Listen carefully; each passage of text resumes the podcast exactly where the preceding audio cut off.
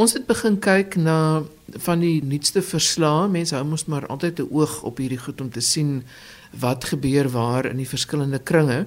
En omdat kubermisdaad so groot storie is, het pornografie noodwendig ook begin sy kop uitsteek.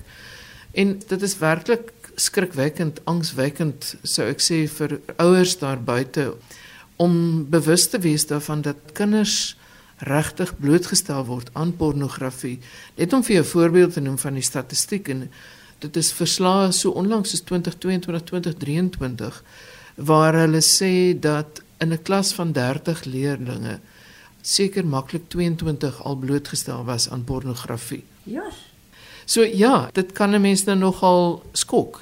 Ons het almal hierdie idee van pornografie soos wat jy in die flieks of op televisie sien, jy weet iemand wat in 'n donker kamertjie sit en in die middel van die nag sit en pornografie kyk en dit is nie noodwendig die geval nie.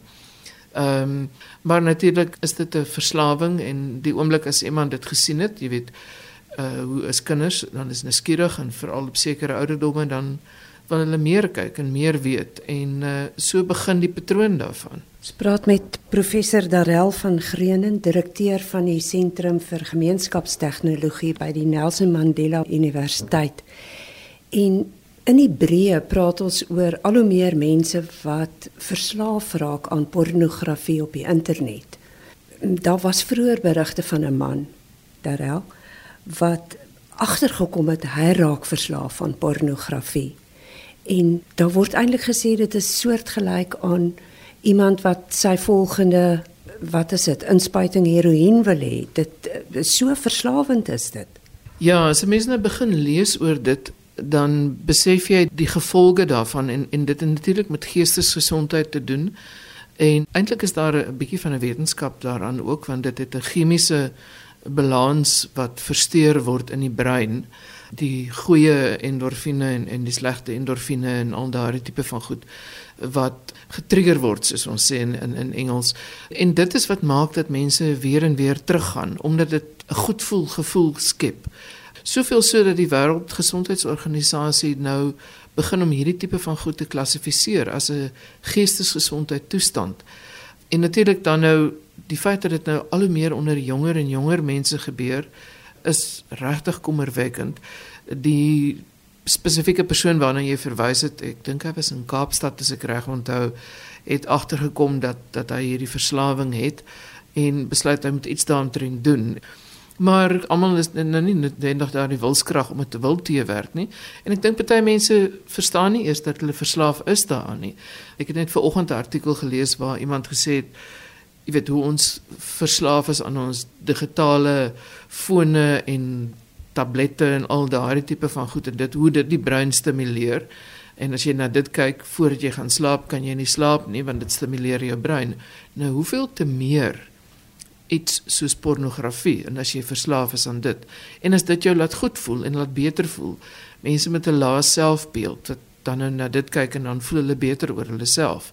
Ek dink 'n mens moet begin kyk in in die groter samelewing waar die afmetings is wat besig is om toe te neem as gevolg van hierdie verslawing en hoe ons dit kan identifiseer en hoe mens mense kan help daarmee ook natuurlik is die ander groot kwessie.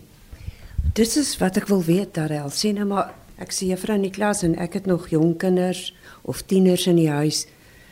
Nou watter tekens moet 'n mens oplet? Want meeste van die kinders het selfone en daar is dan ook um, internetdekking of of so in die huise. Dit is 'n wêreld wat hulle enige tyd kan betree. Jy sal vind dat mense wat verslaaf is aan pornografie en en dan nou internetpornografie spesifiek hou daarvan om, om baie tyd alleen deur te bring in 'n slaapkamer of in 'n badkamer. En asseblief ek sê nou nie daarmee as jy 'n introvert kind het wat dit doen dat hulle nou aan pornografie verslaaf is nie maar dit is een van die goed en en natuurlik soos met verslawings is daar dan 'n verandering in gemoedstoestand gewoonlik gedragspatrone wat begin verander. Jy sal agterkom dat die persoon nie baie tyd saam met ander mense wil deurbring nie, maar graag op hulle eie wil wees. Dikwels baie lang tye in 'n stort of 'n bad deurbring en dan natuurlik ook telefone saam met hulle in die badkamer inneem en dan ook begin baie geheimsinnig raak en onttrek van gesprekke of ongemaklik raak indien daar televisieprogramme of gesprekke rondom seksuele aktiwiteite is. En dan wat erg kommerwekkend is, is veral hoe jonger die kinders raak dat kinders seksueel eksplisiet raak wat 'n mens nie sou verwag het hulle oor sou praat en so oud soos 8, 9 jaar Mariska. En heeltemal ingeligte gesprekke kan hê. En dit is gewoonlik dan nou 'n redelike aanduiding dat jy miskien maar moet bietjie kyk waarmee die kind hulle self besig hou. Professor Darel van Greenen, direkteur van die Sentrum vir Gemeenskapstegnologie by die Nelson Mandela Universiteit. Maar ek het nou 'n vraag hier. Ek het nou al 'n paar berigte raak gelees van ouers wat hulle kinders gebruik vir die vervaardiging van kinderpornografie. Die hele kwessie van dit vir geld maak gebruik is maar altyd kommerwekkend, maar wat besonder kommerwekkend is is is van die marknavorsing wat binne die Suid-Afrikaanse konteks gedoen is in die afgelope jare wat dat daar 'n toename van 55% is in hierdie tipe van sex trade, sal ek maar sê. 'n Mens begin nou ook seker nou die kloutjie by die oor bring met die geslagsgebaseerde geweld en die verwantskap tussen pornografie en dit ons uh, kollegas in sielkunde sal vir ons kan baie meer insig gee oor dit ook maar ek dink ons is in 'n samelewing vasgevang waar mense begin al hoe meer hierdie hierdie siek tipe van gewoontes gebruik om geld te maak ook. En en om dan hulle eie kinders te gebruik daarvoor. Iets wat 'n mens seker in jou wildste drome nie sou gedink het moontlik is nie. Maar daar is hierdie bende groepe en en internasionale groepe. Dit is nie beperk tot Suid-Afrika nie. Dit gaan uit op die dark web en word verkoop daar so ek dink mense moet baie baie versigtig wees oor die gebruik van internet die toegang wat kinders het tot die internet. En dit is alles goed en wel om te sê hulle kan rondkyk en navorsing doen en al hierdie goed, maar uh, 'n mens moet jou kinders tog ook voorberei op wat is daar buite en en wat kan jy raakloop dat jy bedag is op dit. Soos dit ons bedag is op kuberveiligheid ons het uh, allerhande goed in plek om ons te beskerm dat hulle nie ons bankdetails kan steel en ons bankrekeninge inbreek en en maatskappye se rekord steel nie Maar kyk ons regtig na iets soos soos pornografie. En ek dink die antwoord is 'n baie groot nee. Wil julle dan nie so iets ontwikkel nie? Ek en twee van my kollegas, professor Kirillin Thompson en professor Notolo Gaza, ons is al drie uh, gebore getoe Oos-Kaapenaars en ons het besluit ons gaan ons kragte saamspan en kyk wat ons ons kan doen om hierdie probleem aan te spreek. Nou ehm um, beide Noxie en Kirillin het, het jong kinders en hulle is die sekuriteitsfundies hier by ons.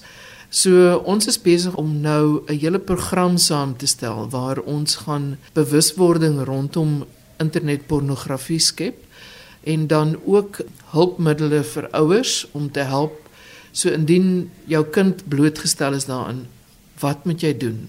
Hoe kan jy die tekens herken en waarheen vat jy die kind? En wat is dan nou die maatreëls wat jy in plek kan stel om te probeer voorkom dat jou kind per ongeluk dit raak lees in die kuberruimte. So ons begin met 'n program met 'n digitale strokiesprente wat ons gemaak het om 'n bewuswording te skep en, en ons gaan dit binnekort vrystel as 'n deel van 'n veldtog en en dan gaan ons 'n webtuiste skep met dan nou ook 'n toep wat kan op jou selfoon hardloop waar jy kan vra vra oor en, en jy kan anoniem so doen om meer te verstaan oor die verslawing en wat jy kan doen om hulp te kry.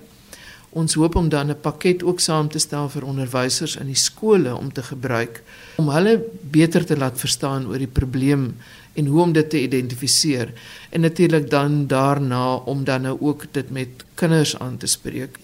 Dit is 'n hele reeks wat ons nou mee besig is en ons gaan ook gebruik maak van die kunsmatige intelligensie, die bots. Soos wat jy jou antivirus sagteware het wat op jou rekenaar hardloop, is ek seker daarvan kan ons algoritmes gebruik om antipornografie reëls in te stel.